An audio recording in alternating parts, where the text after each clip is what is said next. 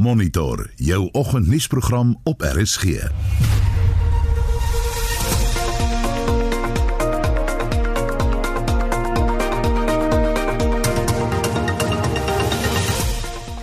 vanoggend se program die rentekoers bly vir eers onveranderd. Hulde blyke stroom in na die dood van Jackson Tembo. He gave his working life, his youth, his commitment to our country, to the struggle for freedom from a school boy right through to his adulthood and even up to today.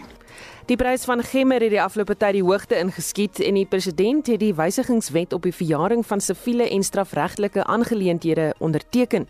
Goeiemôre, welkom by Monitor. Ek is Susan Paxton. So by kans 12 minute oor 6 jy luister na Monitor en Hendrik het vir ons die uh, jongste nuusoorsig. Môre Susan beeld se hoofopskrif COVID eis minister Mthembu en dit handel oor die dood gister aan COVID-19 komplikasies van minister Jackson Mthembu die minister in die presidentskap en ook onder meer voormalige hoofsweep van die ANC in die nasionale vergadering.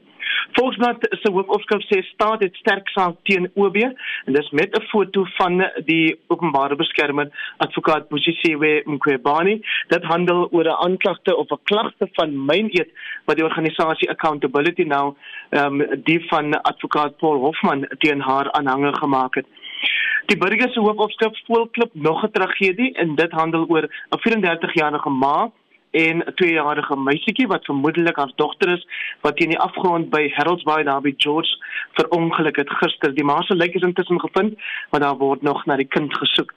Landbou Weekblad se 28 Januarie uitgawe wat van môre af op die rak is, die vertel onder meer 'n storie oor die vernietigende gevolge van die drankverbod op die Suid-Afrikaanse wynbedryf en 'n tekort aan ivermectin vir die behandeling van vee weens mense wat dit koop omdat hulle meen dit kan COVID-19 genees. Uit Namibië berig die Republikein dat burgers van ons buurland duisende Namibiese dollars se boetes opgelê kan word as hulle nie 'n masker dra nie na saans na 9 saans op straat is, na 6 namiddag of op Sondag alkohol verkoop en uh, ook as hulle openbare vervoer gebruik sonder 'n masker. Die land se COVID sterftetal staan tans op 310.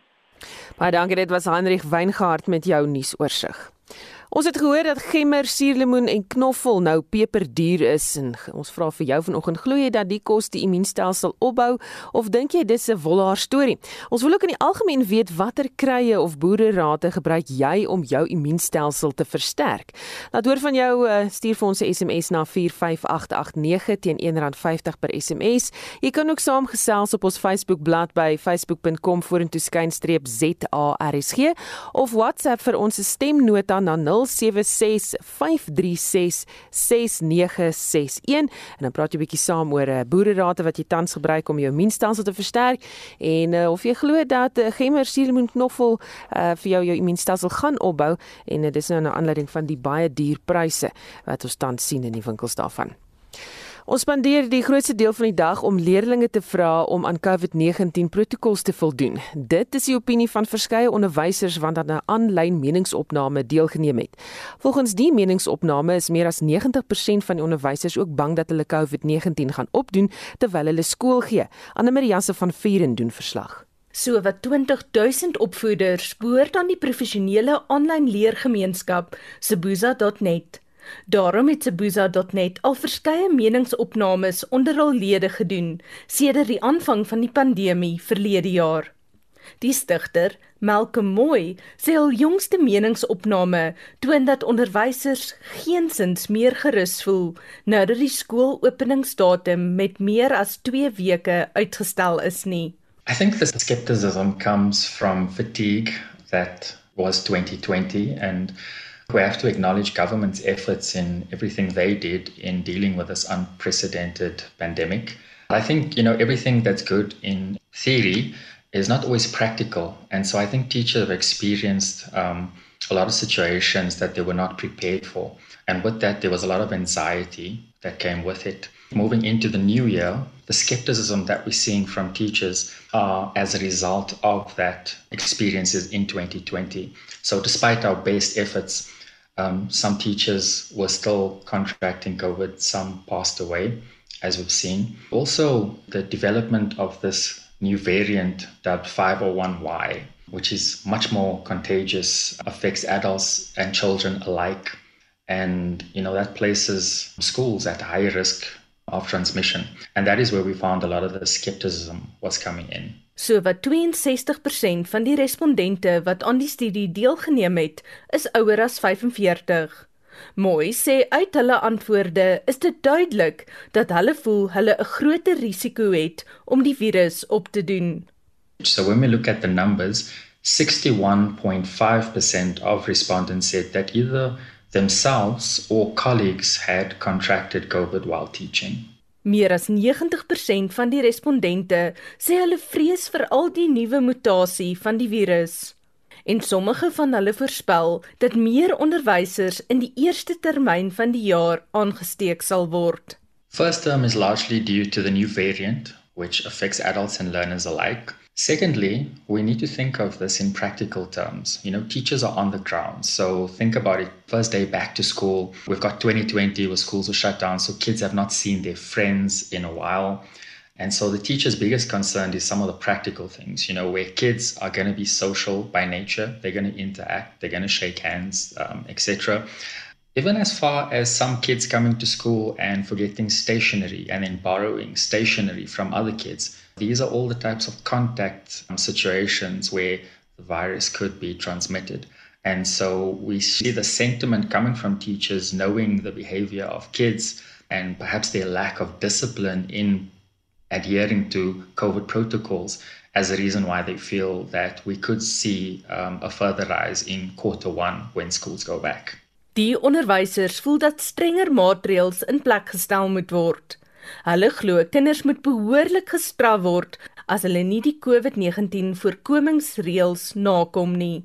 Maar mooi sê dit is makliker gesê as gedaan. I don't personally think it's very practical to take harsher measures. We need to look at the reality of the context we find ourselves in, where learners are not allowed to socialize with their friends. We've got learners who are experiencing trauma under emotional duress in terms of family members that they've lost over the holiday period. We look at the amount of deaths experienced in the teaching profession. One report indicated over 1,600 teachers died in 2020. SATU had estimated that additional 75 teachers had passed away since schools closed on the 15th of December. We also have seen now a group that was formed on Facebook called Remembering South African Teachers. And on a daily basis, you are seeing calls to teachers who have passed on and continue to pass on. Malcolm Moy, die stigter van die aanlyn professionele leergemeenskap Sebuza.net en ek is Anne Marie Jansen van Vuren vir SAK nuus. 19 minute oor 6. Die Suid-Afrikaanse Agentskap vir Maatskaplike Sekuriteit sê hy het nog net 900 assesserings voltooi wat verband hou met die hernuwing of uitreiking van tydelike gestremdheidstoelae in die Wes-Kaap. Meer as 52000 sulke aansoeke is ingedien. Sansa amptenare het die Wes-Kaapse wetgewer se staande komitee oor maatskaplike ontwikkeling hieroor toegespreek. Kobin August berig. Sassa sê meer as 12000 mense het reeds afsprake gekry om in persoon hul dokumentasie by SASSA se kantoor in te dien. Hulle hoop dus om die tydelike gestremdheidstoelaatproses teen die einde van Maart te voltooi.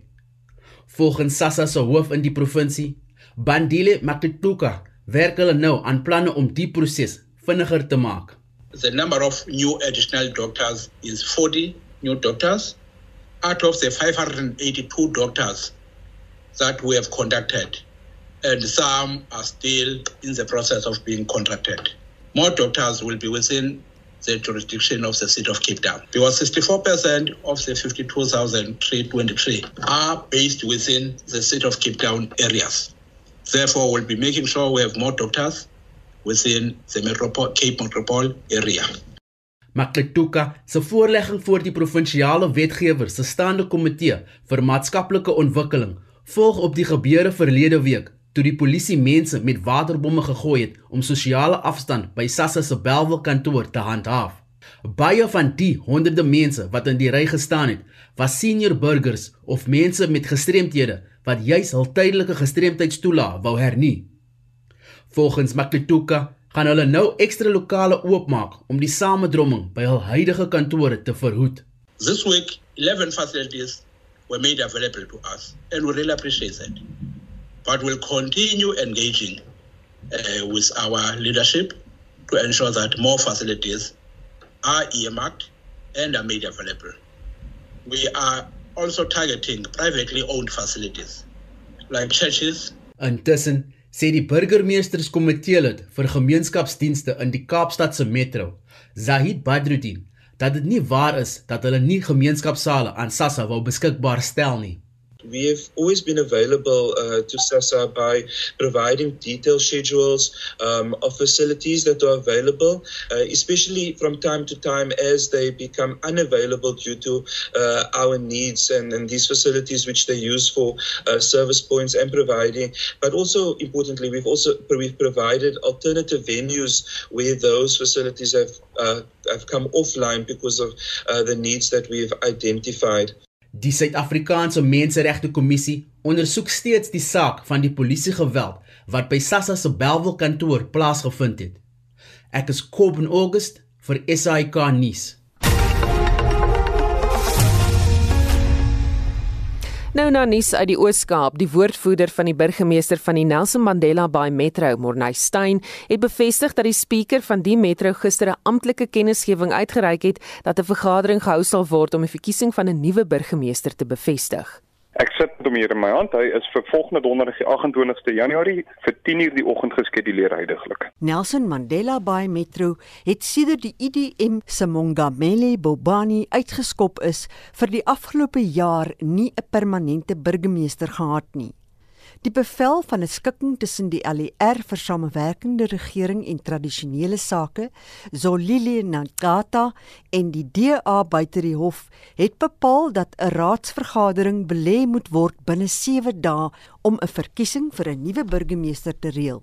Dit was nadat Nkata die geldigheid van die verkiesing op 4 Desember van burgemeester Banga uitgedaag het. Die kommunikasiedepartement van die metro het monitor op navraag om met die spreker, Boyelwa Mafaya, te praat na die woordvoerder van die burgemeester, Morneystein verwys. Die vergadering wat op 4 Desember gehou is, waarop die burgemeester Ngababanga verkies is, was chaoties nadat die spreker deur 3 mans wat by die vergadering ingestorm het, haar uit haar stoel verwyder het en weggeneem het. Hierdie was mense wat in diens geneem deur vorige burgemeesterskomiteelede binne die munisipaliteit en hulle is wel te ken aan almal in die administrasie daarso en hulle is die mense wat al uitgeboonder het en nou die sogenaamde ontvoering van haar toegepas het. So wat julle eintlik beweer is dat sy haar eie ontvoering bewerkstellig het. Dit is wat ons vermoed ja. En daar is 'n kriminele aanklag daarop aangevra. Ek het spesifiek self 'n klag gaan oopmaak by die SAPS en Port Elizabeth in die verband. Want dit sal dwarsboming van die reg wees indien dit die geval is natuurlik. Daarna is Marlon Daniels van die Patriotic Front as spreker genomineer en verkies en is die vergadering voortgesit. Die voorsitter van die DA in die Oos-Kaap, Andrew Whitfield, sê daar sal 'n mate van stabiliteit wees tot die vergadering om 'n nuwe burgemeester te kies gehou word. It was decided by order of the court that Ngaba Banga will remain the executive mayor of Nelson Mandela Bay until such time as an election is concluded. Now that requires a council meeting to be convened within 7 days again by order of the court and the only item on the agenda for that meeting will be the convening of an election for an executive mayor which must be concluded in that meeting. The order is very specific. And so we trust that the ANC speaker will not get up to old tricks and shenanigans and understand that she, in fact, remains in contempt of court and may still be in contempt of court if she fails to comply with the order. Hy voeg by dat daar baie gebeur het in die 46 dae wat Banga aan die stuur van sake in die Nelson Mandela Metro is dit terwyl die metro as 'n brandpunt geïdentifiseer is met die aanvang van die tweede vlaag van die COVID-19 pandemie. The DA Mayor Navapanga immediately implemented over 100 roadblocks in the last 5 weeks to ensure that there's awareness to ensure that people are complying with the regulations. We have cooperated as far as possible. We still believe that the beaches should not necessarily have been closed, but nonetheless, we have ensured that the infection rate has declined and the recovery rate has increased We are now advocating for Nelson Mandela Bay to be removed as a hotspot so that we can fully unlock the potential of our economy and get people back to work. Andrew Whitfield is die voorsitter van die DA in die Oos-Kaap. Monitor kon nie die spreker in die hande kry sodat sy haar kant van die saak kon stel nie. Burgemeester Ngaba Banga se woordvoerder Morney Steyn het Monitor weer verwys na haar kantoor. Die direkteur na kantoor is in alle waarskynlikheid meneer Tunjana die die beste persoon om met haar kontak te maak, mm -hmm. maar dit was verskriklik moeilik om kontak met die spreker te bekom oor die laaste ruk. Ek wil net ook noem dat sy ook nog geen gehoor gegee het aan ons petisie wat vir dieselfde datum geroep was en, en wat nou voor die hofbevel gedoen is waar ons 'n mosie van wantroue na gebring het. Ons het nog geen kennisgewing daarvan gekry nie. Morney Steyn is die woordvoerder van die burgemeester by die Nelson Mandela Bay Metro. Mitsi van der Merwe, SAK-nuus. Jy luister na Monitor elke weekoggend tussen 6 en 8. Presies half 7 en in die nuuse opname toon dat onderwysers voel dat daar moet strenger opgetree word teenoor leerders wat nie COVID-19 maatreëls nakom nie. Die ANC het op nuuts Afrikaners versoek om die koronaviruspandemie in 'n ernstige ernstige lig te beskou en sê die dodetal neem skrikwekkend toe wêreldwyd. En vakbonde by die SAIK dreig dat uitsendings vandag vir 4 uur lank onderbreek gaan word uit protes teen die uitsaaiers se herstruktureringsplanne. Bly net waar jy is vir die nuus en meer. Heinrich, ek sien iemand sê knoffel hou vampiere weg. Ehm um, lyk my nie daardie persoon glo regtig aan Mutie of enige snaakse boererate nie. Wat sê die luisteraars? En ons wil eintlik vanoggend weet wat jy gebruik om jou immuniteitstelsel op te bou. Ehm um, of jy krye gebruik of boererate soos van ouds. En dis nou nadat ons verneem het gemmersuurlemoen en knoffel het peperdier geraak. Stefan de Bruin sê dit kan wel die immuniteitstelsel opbou. Ek drink gewoon vitamienpille elke oggend. Krisie van 'n merwe, enigiets wat natuurlik is, is goed vir jou liggaam. Verwerkte, geprosesseerde kosse het skadelike byvoegings en die natuurlike voordele word gemors. Body, gemmer, knoffel, heuning en krye is 'n bate vir jou gesondheid. Anet Roos sê eet vars gesonde kos en vrugte. En sy kuier ook nou nie eintlik in bondels nie en eet en drink of rook nie saam met ander mense nie sê sy. Weet Freire, ons eet kaneel soggens oor ons oudspap. Dis al natuurlike raad wat ons gebruik. Verder drink ons Vitamiin C, Vitamiene D en sink. Jetske Truman Virenga sê knoffel, suurlemoen en gemmer elke oggend met piesang, appel en jogurt as 'n smoothie. Dis heerlik. En dan Corinne Erasmus wat sê ek glo aan kruie ja en ek luister gereeld na Antoinette Pina se raad wat sy gee. Dit is natuurlik op Alu Becker. Uh en dan drink sy ook boegel wat sy trek so tee. Dit help haar ook baie. Hoe dink julle vra sy het die voortrekkers gemaak om gesond te bly? Hulle het almal krye gebruik.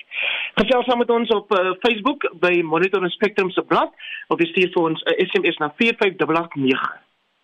En nou Andri gaan vir ons 'n bietjie later meer vertel van al hierdie boere rate en moeties wat ek sien almal gebruik. Ehm um, hier's nog 'n luisteraar, eh, Toekie van 'n berg wat sê as kinders het ons met klein sakkies om die nek geloop wat knoffel en duiwelstrek bevat het. My arme kinders moes dit uh, ook dra toe hulle kleuterskool toe moes gaan. Nie een van ons of ons kinders het ooit 'n skooldag misgeloop as gevolg van siekte nie. Vertel vir ons van jou interessante uh goedjies waarna jy glo wat jy gebruik wat jy dink jou immuunstelsel gaan uh, opbou en of jy dink dit dit werk of dit uh, regtig iets vir jou doen. Nou ja, 6:35 jy luister na monitor hier Shaun Jose met vanoggend se sporthoogtepunte. Kom ons val weg met rugby nuus.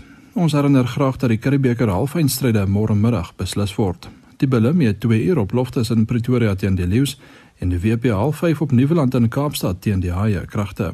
RSG saai al twee wedstryde regstreeks uit. Pieter van den Berg lewer kommentaar oor die stryd op Loftus terwyl Dion Skuman gebeure op Nieuweland beskryf. Cricket. Die tweede en laaste toets van die reeks tussen Sri Lanka en Engeland is aan die gang. En Engeland loop 1-0 voor na 'n oorwinning in die eerste toets. Afghanistan het die eerste wedstryd van hulle eendagreeks teen Ierland gister met 16 lopies gewen en ook 10 punte op die ICC se Superliga punteleer gekry. Die 19-jarige Rahmanullah Gurbas het sy eendagloopbaan met 127 lopies begin. Bangladesh en die Windies pak mekaar vandag in die tweede wedstryd van hulle eendagreeks met die tuisspan wat 1-0 voorloop. Onthou gerus dat die tweede wedstryd van die eendagreeks tussen Suid-Afrika en Pakistan se vrouespanne môreoggend 10:00 op Kingsmead in Durban begin. Die Protea sal in swart geklee wees om die geslagsgeweld veldtog te ondersteun en die snelbouler Shabnim Ismail stap vir 100ste keer vir Suid-Afrika op die veld uit. In die plaaslike Momentum eendagreeks word ook vandag voortgesit. Groep A is voltooi en die spanne in Groep B is nou aan die beurt. Die Cape Cobras en Lions se mekaar van 10:00 af op Senwes Park in Potchefstroom die stryd aan. Sokker. Liverpool het gisteraand se Engelse Premier Liga wedstryd teen Burnley met 1-0 verloor. Die tellings in die Spaanse La Liga wedstryde was Valencia 1, Osasuna 1 en Eibar 1, Atletico Madrid 2. In die Bundesliga in Duitsland meet Borussia Mönchengladbach vanaand half 10 teen Borussia Dortmund en in Frankryk Paris Saint-Germain teen teen Montpellier kragte. In die Afrika Nasies Kampioenskappe het Kongo en Niger asook Libië en die DRK 1-1 gelyk opgespeel. Marokko speel vanaand 6uur teen Rwanda en Uganda 9uur teen Togo en laastens in golfnuus.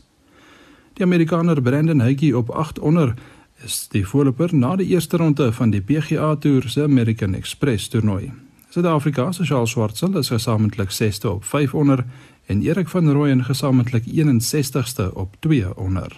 Rory McIlroy van Noord-Ierland op 8 onder begin vandag se tweede ronde van die Abu Dhabi Kampioenskappe as die voorloper. Die Engelsman Tyrrell Hatton het ronde 1 op 7 onder geëindig en George Coetzee vaar die beste onder die Suid-Afrikaners en is gesamentlik 20ste op 2 onder. En Daniel King van Amerika het die voortou na die eerste ronde van die LPGA Tour se Diamond Resorts toernooi van kampioene geneem en staan op 7 onder. Die Korda sisters, Jessica en Nelly, en Gabi Lopez van Mexico is gesamentlik tweede op 6 onder. Shaun Schuster, SAK Sport. Hulde blyke stroom in vir die minister en die presidentsie en ANC veteraan Jackson Mthembu. Hy's gister aan COVID-19 komplikasies oorlede. Mthembu is verlede week in die hospitaal opgeneem nadat hy van maagpyn gekla het. Hy het kort daarna positief vir COVID-19 getoets. Anne Marie Jansen van Vier en net meer. Die 62-jarige Mthembu het sowat 10 dae gelede Suid-Afrika via Twitter ingelig dat hy positief vir COVID-19 getoets het. Dit was die laaste boodskap wat hy op Twitter geplaas het. Gister het die ANC Suid-Afrikaners van sy dood laat weet. Die minister van internasionale betrekkinge en samewerking, Naledi Pandor, sê sy rou oor sy verlies. Volgens Pandor het Ntembu 'n groot bydrae gelewer tot die regerende party. To be honest, I am totally devastated. I I just cannot believe that Comrade Jackson is gone. He gave his working life, his youth, his commitment to our country, to the struggle for freedom from a school boy right through his, to his adulthood and even up to today. Um, his presence in the ANC was just so, you know, tremendous. Mthembu het sy politieke loopbaan in Mpumalanga begin waar hy verskeie leierskapposisies beklee het. Daarna was hy onder meer ook die ANC se nasionale woordvoerder, die ANC se sekretaris-generaal, Jesse Duarte. The space that he took will not be able to be filled very easily. We will always love him and we're going to miss him dearly.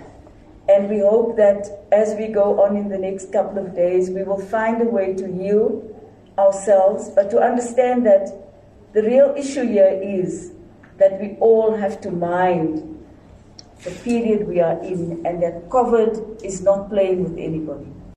Ook ander politieke leiers het hul stem by die van die ANC gevoeg en hulde gebring aan Mthembu. Volgens Scope se woordvoerder Dennis Bloem het Mthembu nog met sy laaste asem probeer om Suid-Afrika te dien. It is a very sad day, uh, not only to his family but to the entire country. You know, Jackson Mtembu died with his boots on. This man was there for the people of this country. Before he was appointed as minister, Jackson Mtembu was on the ground. Die EFF se adjunkpresident, Floyd Shivambu, het Mtembu geprys daarvoor dat hy homself glo nooit aan korrupsie skuldig gemaak het nie. He was one of the most dedicated and principled political leaders. He was not always blown by the wind. He always stuck to principle. We worked with him very well when he was the chief whip of the majority party and under his guidance of the ANC Parliamentary Majority Caucus. So, amongst his legacies is the fact that South Africa is going to expropriate land without compensation. Volgens die VF+ leier, Dr Pieter Groenewald, was Mthembu 'n vriendelike en professionele persoon wat sy kollegas gerespekteer het, al het hulle aan ander politieke partye behoort. Namens die Vryheidsfront Plus wil ek my medelee uitspreek teenoor die Mthembu familie van die oorledene Jackson Mthembu. Dit is altyd 'n traumatiese ervaring om mense aan die dood af te staan en daarom sal ons ook graag wil sien dat hulle vertroosting sal vind van ons hemelse Vader. Jackson Mthembu het diep spore getrap in die ANC. Hy was 'n staatmaker van die ANC. Hy het 'n hele aantal traumatiese ervarings gehad. Hy was byvoorbeeld ook die slagoffer van 'n gewapende roof waar hy 'n hele paar keer geskiet is, maar hy het dit ook oorleef. Begrafnisreëlings is nog nie bekend gemaak nie. Die verslag van Abongile Dumaku in Johannesburg en ek is Anne Marie Jansen van Vuren vir SAK nuus. 643 ekonomiese nuus. Die rentekoers is onveranderd gelaat. Vir meer oor die Suid-Afrikaanse Monetêre Beleidskomitee se besluit praat ons nou met Standard Bank se hoof van makro-ekonomiese navorsing Dr Elna Moelman. Goeiemôre Elna. Goeiemôre. Jou gevoel oor die besluit? Ja, dit was heeltemal in lyn met ons verwagting gewees. Aan die ander kant het gedink die Reservebank gaan weer eens koerse onveranderd laat. En ek dink die die ehm um, die grootste oorwegings was Ekonomiese groei bly laag, inflasie bly laag, maar die Reservebank bly baie ongemaklik met 'n paar groot risiko's. En dit is dan spesifiek dat die fiskale posisie baie moeilik is en daar baie groot risiko's is en hulle is bang dat dit op die ou einde negatief gaan wees vir die wisselkoers en dan inflasionêr gaan wees. So ek dink hierdie is 'n geval van die vooruitskatting sou dalk toegelaat het dat hulle kon verlaag, maar as gevolg van die risiko's hou hulle dit eerder onveranderd. Dink jy dat rentekoerse nog laer kan? Ek dink hulle gaan dit liewer op hierdie lae vlakke bly hou. Ek dink hulle gaan nou die die risiko's assesseer soos wat ons vorentoe gaan, maar omdat die ekonomie nou 'n bietjie begin herstel en inflasie gaan nou 'n bietjie hoër begin raak, dink ek hulle gaan liewer se versigtig wees en kyk of hulle nie so lank as wat hulle kan rentekoerse laag kan hou, eerder as om rentekoerse nou 'n bietjie laer te maak en dit dan dalk weer vinnig moet opsit nie. Daardie voordeel van stabiliteit op baie lae vlakke dink ek is is wat hulle op hierdie stadium op fokus. En mens kan dalk in perspektief sê die rentekoersverlaging wat ons so ver gehad het gee 'n netto voordeel aan Suid-Afrikaners van ten minste 40 miljard rand per jaar indien nie meer nie. So net die rentekoersverlagings wat ons reeds gehad het, help verbruikers regtig baie. Ek nou vir jou vra, het die rentekoersverlagings wat nou al gebeur het, die gewenste uitwerking gehad? Ek dink so. Mense moet aanvaar dit neem tyd, maar ons het definitief, ek dink as jy terugdink aan die tweede kwartaal van verlede jaar, was baie mense baie skepties geweest en het gesê, jy weet, rentekoersverlagings gaan nie help om 'n gesondheidskrisis op te los nie ensovoorts. Maar ons het tog gesien dat kredietgroei byvoorbeeld baie sterk begin toeneem met hier van die derde kwartaal af en dan spesifiek in die vierde kwartaal. So mense sien dit, maar dit is 'n effek wat gewoonlik opbou. Met ander woorde, jy begin die effek sien en daai effek groei dan oor tyd. So dit gaan waarskynlik eers in die middel van hierdie jaar wees wat ons regtig die maksimum voordeel gaan sien van die rentekoersverlagings wat ons reeds gehad het. Wat is nog nodig om die ekonomie te laat groei? Ek dink nou hang dit regtig af van die res van die staat. In die eerste plek dink ek die fiskale posisie is absoluut krities. Met ander woorde, as ons 'n begroting sien wat ons enigsins bekommerd maak oor die volhoubaarheid van ons fiskale posisie en besluite, dan gaan dit 'n baie negatiewe in in inwerking hê op sake vertroue ensovoorts. So, so dit op sigself is 'n besonderse be belangrike besluit. Maar dan dink ek is dit natuurlik ook die faktore waarvan ons almal reeds weet en ek dink die regering moet ons nou oortuig dat hy probeer om die ekonomie te help. Met ander woorde, ons moet dan nou sien dat die elektrisiteitsprobleme aangespreek word en al die ekonomiese inperkings waarvan ons vir, vir baie lank gepraat het, moet ons nou 'n bietjie vordering begin sien hierdie jaar. Baie dankie. Dit was Standard Bank se hoof van makro-ekonomiese navorsing, Dr Elna Moelman. President Cyril Ramaphosa het pas die wysigingswet op die verjaring van siviele en strafregtelike aangeleenthede onderteken. Die wysigingswet wat goedgekeur is, maak voorsiening dat iemand wat byvoorbeeld 'n seksuele oortreding begaan het meer as 20 jaar gelede wel vervolg kan word. Voorheen was daar 'n beperking van 20 jaar waarna klaar klagtes van siviele en kriminele aard kon maak. Ons praat nou met uh, Claudine Roberts, sy's regskenner verbonde aan Ulrich Roux en Vennote hieroor. Goeiemôre Claudine. Goeiemôre Susan. Wat presies behels die nuwe wet? Susan, voorheen was uh, seksuele teistering um, onderhewig aan die 20 jaar verjaringsperiode um, om aangekla te word. Met die nuwe wet is daar geen tydsperiode um, van toepassing om enige seksuele misdrywe te rapporteer of te vervolg nie, maar dit ons moet net um, die die beskrywing daarvan word uitgebrei dat daar was um, daar was vorige uh, daar was 'n lys wat uitgesluit was van die verjaringsperiode, maar seksuele oortredings soos teistering word nou ingesluit dat dit nie onderhewig is aan die verjaringsperiode nie, strafregtelik en sivil regtelik. Hoekom was daar aanvanklik 'n voorgeskrewe tydperk van 20 jaar? Ek dit was meer dit het meer gegaan oor um, om daardie oortredings te bewys um, want as daar soveel tyd al verloop het kan mens net indink die implikasies daarvan om te bewys dat iemand voorheen seksueel getuister is veral um, getuies en mense al gewoonlik um, mense al gewoonlik kenners moet kry om dit te bevestig mediese verslae en dit het dit dalk dit het dit moeilik gemaak maar dit is teenstrydig um, teen die grondwet. Hoekom omdat as dit kan nie sekere misdade kan nie ingesluit word en ander uitgesluit word nie. Um hierdie mense is slagoffers van misdrywe wat dit word gesien as 'n misdryf en sodoende moet dit vervolg word. Sê vir my, hoekom sou mense so lank wag voordat hulle klag lê? Meeste van hierdie misdrywe het plaasgevind wanneer daar minderjariges um betrokke was en hierdie minderjariges is op daardie stadium is nie bewus van die remedies tot hul beskikking nie. En dit kan gewoonlik gevolg gee aan die feit dat hulle te lank vat om hierdie goed aan mense te uh, openbaar. En ook meeste mense wil nie deel vorm van hierdie stigma nie. Hulle is te bang om weer deur deur al daardie emosies te moet gaan. Sou so saak op verhoor gaan Baie dankie. Dit was die regskenner verbonde aan Ulrich Groen Vennote Claudine Roberts en ons gepraat het oor die wysigingswet op die verjaring van siviele en strafregtelike aangeleenthede wat president Cyril Ramaphosa pas onderteken het. Die ANC in die Wes-Kaap en premier Ellen Windey stamp koppe oor of Anton Bredell as 'n provinsiale minister afgedank moet word na 'n ernstige bevinding teen hom deur die openbare beskermer advokaat Bosisiwe Mqobani. Dit het te doen met sy inmenging in die aanstelling van 'n direkteur in die George munisipaliteit. Heinrich Weingart het die besonderhede. Anton Bredell bestuur die portefeulje van plaaslike regering, omgewingsake en ontwikkelingsbeplanning in die Wes-Kaapse kabinet. In sy hoedanigheid as provinsiale DA voorsitter het hy in Mei 2018 skriftelik opdrag gegee aan amptdraers by die George munisipaliteit om die aanstelling van 'n direkteur terug te hou totdat die DA se federale uitvoerende raad dit goedgekeur het. Hieroor het die ANC se Cameron Dugmore, leier van die amptelike oppositie en die wetgewer, 'n klag by die openbare beskermer, advokaat Bosisiwe Mqobani ingedien en nou het Mqobani bevind dat Bredel met sy optrede die etiese kode vir provinsiale kabinetslede oortree het. Dugmore sê dit is duidelik dat Bredel as LER nie neutraal is nie.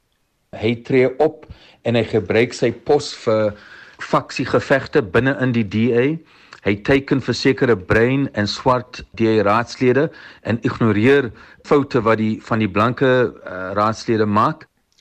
Hy sê Bredel kan nie vertrou word met die taak om plaaslike regering in die provinsie te stabiliseer nie. Dis tyd nou en ons vra vir Ellen Windy maak seker dat jy nou vir eens en vir altyd Bredel van jou kabinet verwyder. Premier Allan Windy se woordvoerder, Odette Keisen, het gesê die OB se verslag word nog saam met die provinsie se regspan bestudeer en 'n verklaring sal daarna uitgereik word. Sy sê die voorgestelde remedierende aksie is geensins so verrykend soos dit waarop Dagmore aandring nie. What is already clear, though, is that the extent of the remedial action requested is limited to providing a report to the Western Cape Provincial Legislature, with comments from the Premier of the Western Cape, if any. It is therefore abundantly clear that Mr. Dugmore is desperately trying to conjure up unsubstantiated and unfounded allegations and is sensationalizing the actual findings of the report. He is also suggesting remedial action that has not been determined reasonable or necessary by, by the public protector in her report. While this is disappointing, it is not surprising conduct from the ANC. Keisnet het namens premier Windy 'n beroep op die media gedoen om self die bevindinge en aanbevelings in die verslag te lees. Die OB bevind dat Bredel se optrede onbehoorlik was en strydig met die etiese kode vir LER. Die premier moes binne 14 dae nadat die verslag gedateer 19 Desember 2020 aan hom besorg is, 'n afskrif met enige kommentare en die stappe wat gedoen is aan die wetgewer voorlê. Wendy moet ook binne 30 dae aan die OB terugvoer gee oor hoe ver gevorder is met die uitvoering van die remedierende aksie. Hendrik Weingart vir SAK nuus. 8 minute voor 7. Die Wes-Kaapse minister van Finansies en Ekonomiese Geleenthede, David Meyer, vra dat die werkloosheidsversekeringsfonds se tydelike hulpverleningsskema vir werkgewers en werknemers dringend weer na ondernemings in die COVID-19 brandpunte uitgebrei word. Meyer het hierdie versoek in 'n brief aan die minister van Arbeid en Indiensneming toelasting gerig. Annelie Jansen van Vieren berig. Volgens Meyer het die herinstelling van die vlak 3 inperking sake ondernemings swaar getref. Hy sê 'n finansiële inspuiting is nodig om die ondernemings van ondergang te red. With the announcement last week by President Cyril Ramaphosa that the alert level 3 restrictions will remain in place until the 15th of February 2020, I reiterate my call for the UIF COVID 19 TERS support to be extended for the duration of the time that additional restrictions apply in the Western Cape.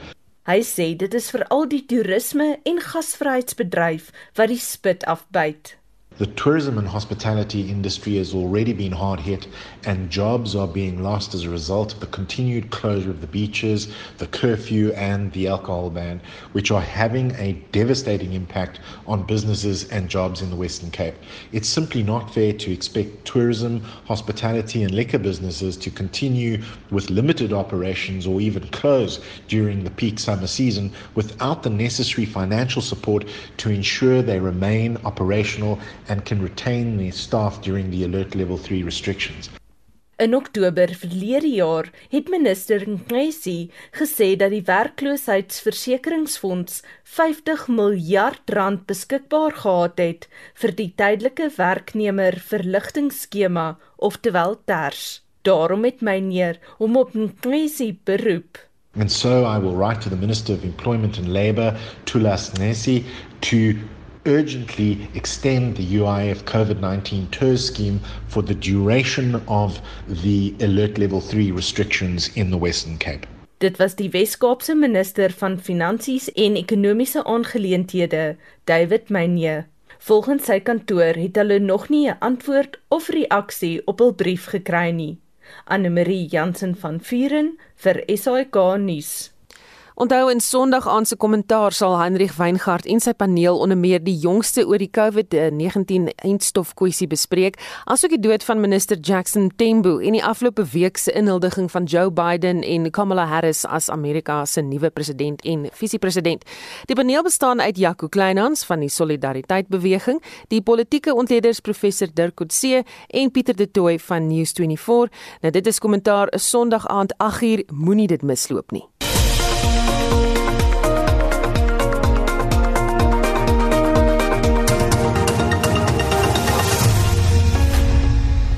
En uh, dis nou 6:55 en Heinrich, daar is baie raad wat inkom van mense af wat sê, "Goed, so maak jou immuunstelsel sterker." Iemand wat sê dat uh, daardie sakkies wat om die nek gedra is, het net gewerk omdat niemand naby jou kom kom nie want dit so stink van die knoffel. Wat's nog van die terugvoer? Dis 'n dis 'n lag van verligting daai ehm um, Susan want ek was bekommerd dat jy gaan vra wat gebruik ek vir my sangstem. Ja. nou, 'n mooi liedjie wat ons nou gehoor het. So ons wil natuurlik weet uh, watter kruie of boererate gebruik jy om gesond te bly en dit na aanleiding van die prysstygings in gemmer, suurlemoen en knoffel. Uh hier is 'n boodskap op Facebook van of liewer ehm um, 'n SMS boodskap van Ralph Kenneth wat sê watse boererate die natuurlike kruie middels en speserye is die koi, die san die Hottentot en ander inheemse stamme oor die eeue heen gebruik.